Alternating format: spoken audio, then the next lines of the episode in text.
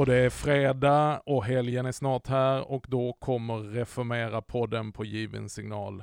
Vi är på plats i studion igen. Jag sitter tillsammans med min vapendragare Johan Eriksson. Själv heter jag Magnus Persson. Välkommen Johan!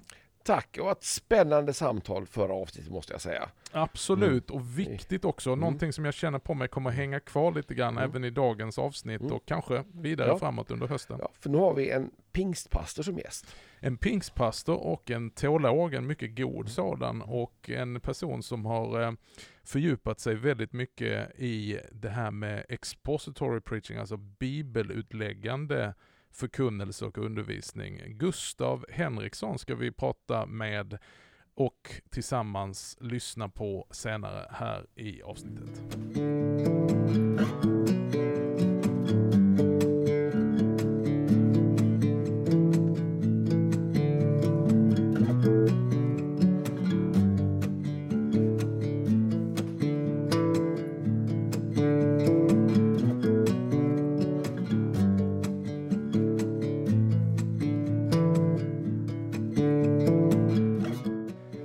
Ja, vi har alltså Gustav Henriksson med oss, före detta föreståndare i Västkustkyrkan i Strömstad, pingstpastor och teolog. Välkommen till Reformera-podden. Tack så mycket. Tack ja, så mycket. Skoj att ha dig med.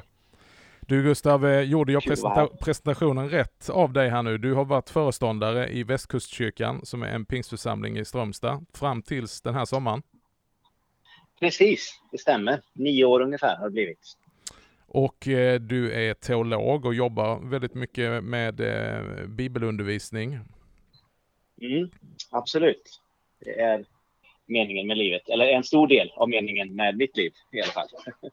Härligt. Var, eh, var har du läst någonstans? Jag har det mesta av min utbildning från Göteborgs universitet. Just det. Sen gick jag en, bib gick jag en bibelskola innan det och jag har tagit någon kurs i Lund och sådär. Men det är mastern är från Göteborgs universitet.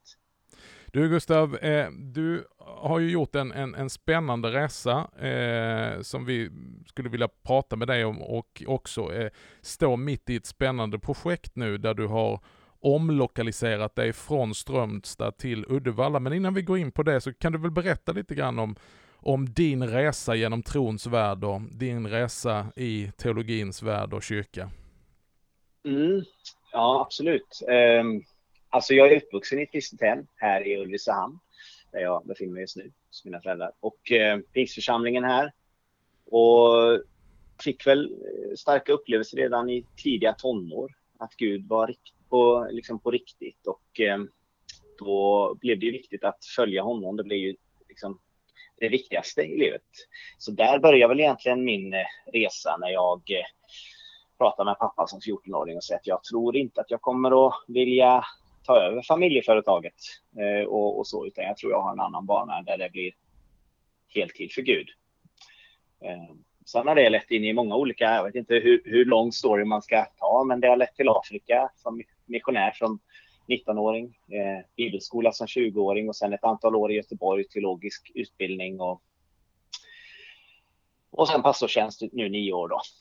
Så, på den här ja. resan så, så har jag träffat på dig ett antal gånger Gustav och eh, inte minst nu de senaste, vad kan det vara, fyra, fem åren så har du eh, engagerat dig väldigt mycket i Langham. Som, eh, berätt, berätta om det. Hur, hur mötte du det och vad betyder, vad står Langham för? Och eh, eh, ja, berätta hur dina vägar kom in där och ja. varför det är viktigt. Ja, ja jag kan passa på att skicka med ett litet tack till dig där Magnus, för det var du som gjorde mig uppmärksam ett antal år sedan att Langham skulle komma till eh, Skandinavien. Just det. Eh, så då hakade jag på och Langham är ju alltså grundat av John Stott eh, som är en av de största kyrkoledarna på 1900-talet. Och de gör lite olika saker, men, men, men det som de fokuserar på här är ju fortbildning i bibelutläggande förkunnelse. Om vi, om vi, stoppar, där, och, om vi stoppar där redan ja. Gustav. Bibelutläggande förkunnelse. Eh, vad är då mm. skillnaden? Mm. Sysslar inte alla med det menar du? De flesta tror nog att de gör det, men frågan är ju lite vad är det som tillåts sätta, agenda, tillåts att sätta agendan? Är det texten, är det skrifterna själva och deras ärende som blir det som så att säga leder även våra frågor? Eller blir det min egen tolkning eller mina favoritämnen eller min sinnesstämning eller min, ja, du vet. är det förkunnaren som sätter agendan eller är det skriften som sätter agendan? Så skulle man väl kunna, kunna säga. Just det. Och med ett fint ord så heter det expository preaching, alltså textutläggande förkunnelse. Att verkligen mm. i sin predikan försöka säga det texten säger. Mm, mm. Precis, precis. Och det här har du engagerat dig i? Det har jag engagerat mig en del då. Och då har vi ju olika eh, sådana här bibeldagar där vi kör ofta tre dagar i, i tre heldagar. Så det är ganska gedigna. Vi kör olika moduler. Det kan vara en särskild genre, till exempel eh, profetlitteraturen eller saltaren. Hur predikar man från saltaren? För det är klart att olika genrer i, i texten fordrar lite olika liksom, angrepp eller alltså, ansats, inte angrepp, ansats, eh, i, i tolkningen och i förkunnelsen. Så då jobbar vi mycket med att först grotta ner oss i texterna. Vad är det de säger? Vad är deras ärende? Och när man verkligen har jobbat med det, försöka då bygga bron över till, från där och då till här och nu. Just det. För det är klart att varje tid har sina utmaningar, varje tid har sina situationer som man behöver predika in i.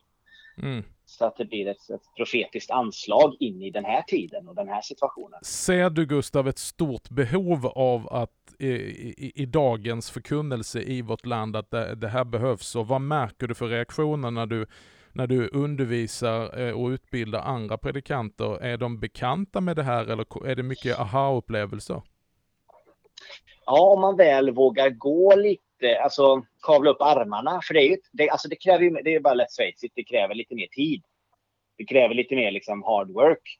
Och det är frågan, har vi tid för det i våra späckade kalendrar? Och det upplever jag nog ofta att vi pastorer kanske inte har.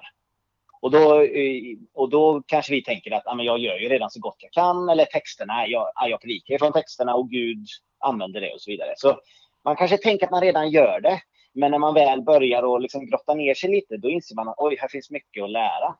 Mm. Verkligen. Det är min upplevelse. Så, så det är ganska svala reaktioner generellt från, från pastorskollegialet. Så att det inte, ja, ja, jo, det där är säkert bra, men ja, vi kommer inte på konferenserna. Spännande, då måste jag ställa en fråga. Är det här bundet till tradition väldigt mycket? Upp, att det här skiljer sig från olika delar av kristenheten? Det här med bibelutläggande förkunnelse? Ja. Menar du? Mm. Mm. Alltså det är klart att vissa kyrkotraditioner har väl det här starkare i sig än andra. Eh, vissa kyrkotraditioner betonar ju läran och liksom en, en, ett, ett lärosystem, en renlärighet mycket mer än andra. Eh, den, den eh, tradition som jag kommer från och uppvuxen inom, pingsttraditionen, betonar ju kanske mer aktivism, eh, andens tilltal och min personliga kallelse, känslan av att Gud är här och leder mig nu, möter mig och sänder mig. Eh, och då kanske ibland eh, bibeltolkningen och bibelbruket eh, har fått stryka på foten en aning. Eh, och där är det reformerta traditionen till exempel har ju mycket starkare så här, lära ur skriften liksom, på ett korrekt, adekvat sätt. Då. Men du som pingstpastor då mm. Gustav, du, du är fostrad i pingst och du är verksam i pingst eh, med alla dess mm. fördelar. Vad, vad, vad, vad, var det som gjorde i din egen förkunnelse att du sökte dig åt det här och såg behovet av detta? Jag kan säga så här, en sak är ju att jag insåg att Alltså, så här då. Man, man, man, man, kan trycka på rätt knappar som förkunnare och mm. skapa mm. en stämning. Och jag vill inte ha det. Eller jag ansåg att det blir för mycket människa, för mycket jag, för lite Gud tror jag. Och när Gud har uppenbarat sig själv i historien. För det, alltså, vi kan aldrig ta oss kunskap om Gud egentligen. Mm. Den måste ges oss. Mm. Gud uppenbarar sig själv. Det ligger i sakens natur. Han är av ett annat slag än oss. Eh, och, och, och, och, och då vill jag ju att det är hans uppenbarande som ska prägla min förkunnelse mer än min, mina skills, liksom. min mm. retorik eller min karisma. Då, och karisma då förstått på ett mänskligt sätt vad det gäller ja, just ja, vet, det. Vet, din, förmåga, din förmåga att trollbinda som talar, din retorik ja, och din utstrålning. Ja, precis. Exakt, och det har jag brottats med. Och jag, jag kastar inte allt, jag dissar inte allt det. Jag menar inte att allt det, för, för all kunskap är Guds. All färdighet är Guds. All, eh, vad det kan finnas för sanningar inom retorikens värld så kommer de från Gud också. Det handlar om kommunikation. Men allt kan också bli en avgud. Allt kan ta Guds plats. Allt kan liksom bli ett substitut till liksom den rena mjölken från himlen, det som Gud uppenbarar. Ja. Och då har vi någonting som Gud redan har uppenbarat. Och vad är det? Jo, det är skriften.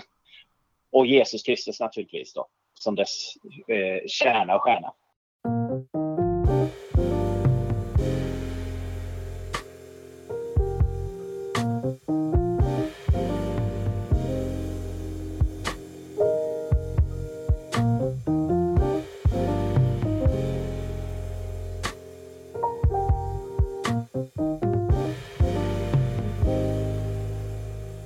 När du berättar det här för oss, hur, hur tas det här emot i dina egna sammanhang?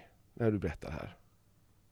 Tumme upp, tumme upp. Men som jag sa, en ganska, eh, liksom, kanske inte så jättemycket I'll be there liksom.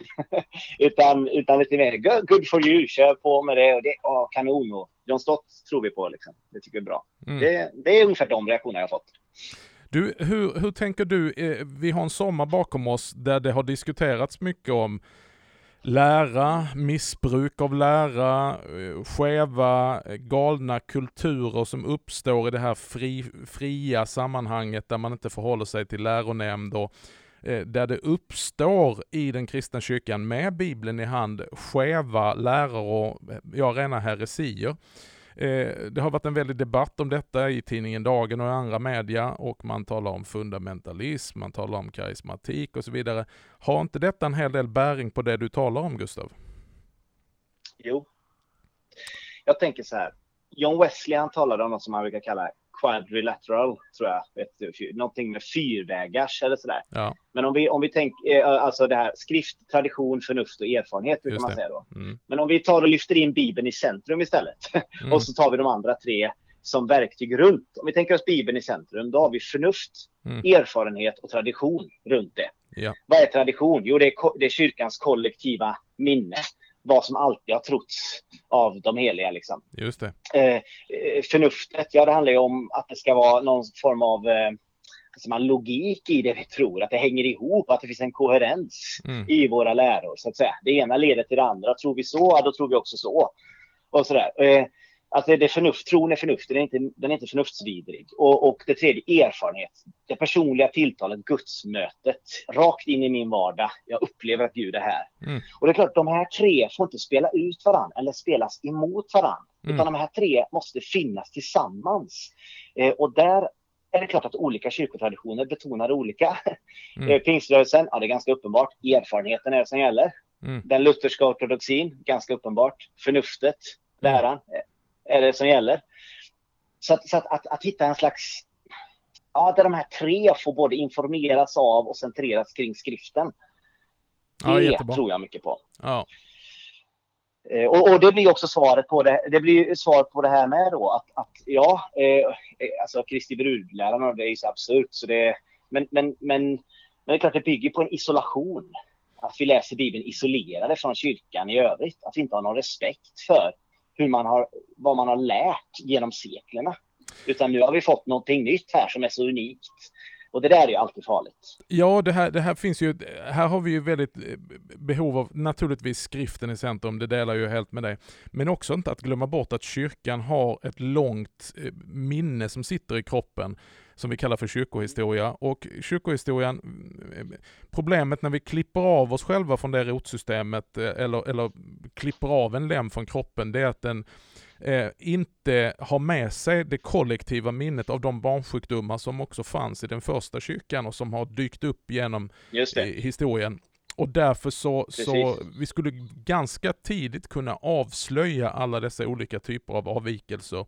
Vad vi talar om i förra avsnittet det är inte bara mest extrema och Knutby utan också vad är det för någon kultur och någon grogrund för avvikelser från skriften där vi faktiskt inte sysslar med textutläggning av vad skriften de facto säger utan vi har skapat lite grann våra favoritteman våra det vi vet ger snabba resultat och ger effekt och så vidare. Mm, exakt, exakt. Alltså här, jag tänker en, en ytterligt Kristuscentrerad. Det är tre områden som har diskuterats i Knutby-debatten. Det är bibelsynen, det är ledarskapssynen, Ehm, eh, och vad är det tre? Jo, karismatiken såklart. Och alla de här tre måste centreras kring Kristus. Mm. Alla de här tre måste centreras kring honom som i, i, i vilken gudomens hela fullhet bor. Som Kolosserbrevet talar om. Amen. Det, det är liksom ledarskap i Kristi efterföljd, vad är det? Jo, det är inte att göra avkall på makt. Men det är att se hur brukas makten till Guds ära. Johannes 13, tänker jag. Den är så fantastisk. Jag brukar alltid ta upp, ursäkta om jag går på henne, ni får säga stopp. Men i, praktik, men i praktiken, jag tänker för det här det är spännande, ja. det här låter bra, men hur mm. gör man det i praktiken? Behöver frikyrkan ha en läronämnd eller ett biskopsämbete? Tystnaden talar. Frikyrkan behöver, jag skulle jag ska inte kanske vilja formulera det så då, utan eh, nu kan man ju diskutera huruvida Pingst har en biskop redan. Men, men eh, alltså vi är ganska ändå hierarkiska i vårt sätt då, även om vi har en demokratisk struktur. Men, men hur som helst. Eh, vad som behövs är det vi pratade om innan, ett kollektivt minne. Mm. Vi behöver göra upp med historielösheten. Vi behöver ha, vi säger så här, och det säger ju Daniel Alm uttryckligen, vi har respekt för de historiska kyrkorna. Yes, tumme upp för det. Men vad betyder det i praktiken?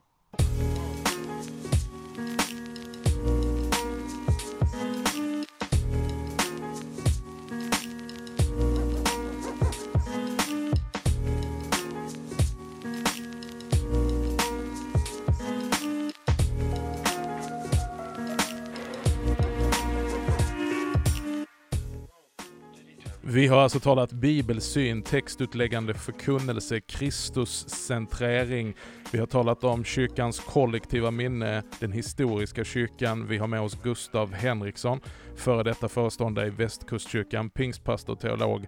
Och det här blir en in ingång då till, Gustav, du står just nu i ett uppbrott som vi nämnde och eh, du har flyttat ifrån Strömstad och eh, jag fick se en liten Facebook post där du berättade om vad som ligger framför och blev direkt intresserad för du använde ett av mina favorituttryck, nämligen helkyrklighet. Berätta, varför flyttade du till Uddevalla och vad är det som är på gång? Ja, en av de välsignade anledningarna till att vi flyttar är eh, att vi startar en bibelskola som eh, ska heta Mosaik så Bibelskolan Mosaik, jag tror det är väl ett N, bibelskolanmosaik.se kan du gå in och kolla. Och eh, då är det så att visionen för den här bibelskolan är eh, en helkyrklig vision. Och Underbart! Det är ett annat ord, och, ja precis. Och det är ett annat ord att, att säga ekumenisk eller en helad kyrka, en hel kyrka. Visionen om en kyrka på orten, för staden, kanske regionen, vi får se vad Gud gör med detta, men där man eh, ser varandras bidrag till helheten. Mm. Tillsammans ska vi nå fram till Kristi fullhet. Efesierbrevet 3, vers 14-21 är ett av våra sådana grundbibelord som vi står på i detta. Det harmonerar väldigt väl med Reformera-podden. Det är precis vad vi vill verka för och inspirera för att istället för att tänka antingen eller så tänka både och. Men, men hur har din resa in i helkyrkligheten varit? Vad är det du ser? För som jag förstår det så, så kommer det här till att ligga i Svenska kyrkan, men, men alla församlingarna finns med i det här i Uddevalla, eller nästan alla. I nuläget finns ingen juridisk person, utan i, men det kommer naturligtvis behöva bildas. Eh, I nuläget så finns en styrgrupp som är ekumenisk från eh, alla kyrkorna i Uddevalla, eller i princip alla. Alla är välkomna med. Jag tror inte exakt alla än är representerade i styrgruppen, men Svenska kyrkan och tre frikyrkor. Spännande. Är där. Och där, där är jag med. Vi är sju stycken där. Eh, och det här kommer bli då en kvällsbibelskola första året. Det är pilotåret nu. Då vi kör onsdagskvällar ett år och så fyra hellördagar då. Där vi ska lyfta upp vissa ämnen som är centrala för oss. Och så hoppas vi att detta kan växa. Sen då. Mm. Får jag säga någonting om ekumeniken i Uddevalla med då? För att eh, den har varit superbra i flera decennier. Man har gjort saker tillsammans, eh, kanske 20-25 år. Men och nu finns det behov av en nästa generation att på något sätt axla den manteln och, och, och, ta ett nytt steg. Två konkreta frukter av det arbetet i Uddevalla är passionsspelen som har funnits nästan 20 år. Just det, alltså varje, varje påsk. Exakt, gör man ett sånt det ekumeniskt drama tillsammans. Hög kvalitet, samlar 5000 människor eller något liknande på torget. Jättefint. Det andra är ett, ett, ett härberge som heter Saronhuset. Och det finns en spännande story kring det, men det var en liten tynande frikyrka, jag tror de tillhörde EFK, som heter Saronkyrkan på 90-talet, som upplevde ett tilltal från Gud att, att som vetekornet faller i marken, att dö som kyrka och, och överlåta, gå upp i andra församlingar och överlåta sin fastighet till ett gemensamt ekumeniskt eh, socialt arbete. Mm. Så där de mest utslagna får, och där firar man också ekumenisk nattvard och så i anslutning till det. Så det är två frukter av det ekumeniska samarbetet de senaste eh, decennierna. Och nu kommer mosaik med till det då. Just det. Men du, ni använder uttrycket helkyrklighet. Beskriv, vad, vad tänker du om helkyrklighet? Varför är helkyrklighet viktigt för dig, Gustav? Ja, det är alltså Jesu översteprästliga förbön. Att, att då ska världen förstå eh, att att ni, att ni älskar mig eh, när ni är ett. Eh, det är liksom Jesus talar jättemycket om enhet i Johannes 17 i den bönen.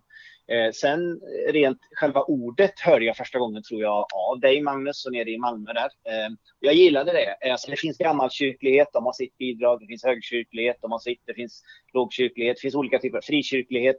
Helkyrklighet vittnar ju om en helhet. Eh, en läkeprocess kanske, om man så vill. En, mm, mm precis. Hur kommer det här manifestera sig i undervisningen i Mosaiks bibelskola? Ja, det blir spännande. Det återstår att se. Jag, jag, jag, är den som har fått lite uppgift att planera ämnena första året. Eh, och eh, lärarna eh, då, men, eh, men det var ju styrgruppen som kände de flesta eftersom det är lokala förmågor primärt som undervisar då. Eh, präster, eh, pastorer, diakoner och, och så vidare.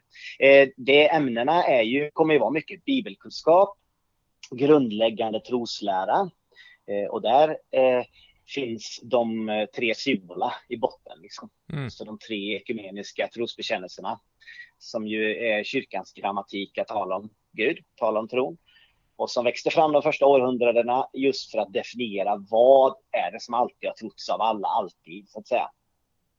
Eh, så där ligger de i botten. Men annars bibelkunskap, grundläggande troslära, grundläggande tolkningslära vill jag också eh, ha in. Eh, det är viktigt. Och sen kyrkohistoria med då. Och sen liv i Gud som blir lite mer av de, ska man säga, frikyrkliga ämnena där man, alltså den personliga relationen med Gud, gåvoupptäckande, andens gåvor och idag och sådär. Det blir väl som fyra eller fem block. Vilka tänker du är målgruppen för den här bibelskolan? Vad vill ni se för typ av elever? Ja, det är en bra fråga och en svår fråga faktiskt som vi kanske, vi måste tänka igenom mer. Eh, vi, nu vill vi bara ha alla dit. eh, så länge vi håller coronagränserna. Men eh, alltså vi, vi ser ju egentligen ser vi inte, inte bara ungdomar liksom, utan eh, så åldersmässigt kan jag faktiskt inte svara på det just nu. Men vi vill ha alla som vill fördjupas. Alltså jag kommer att tala den 16 september på första liksom, eh, uppstarten.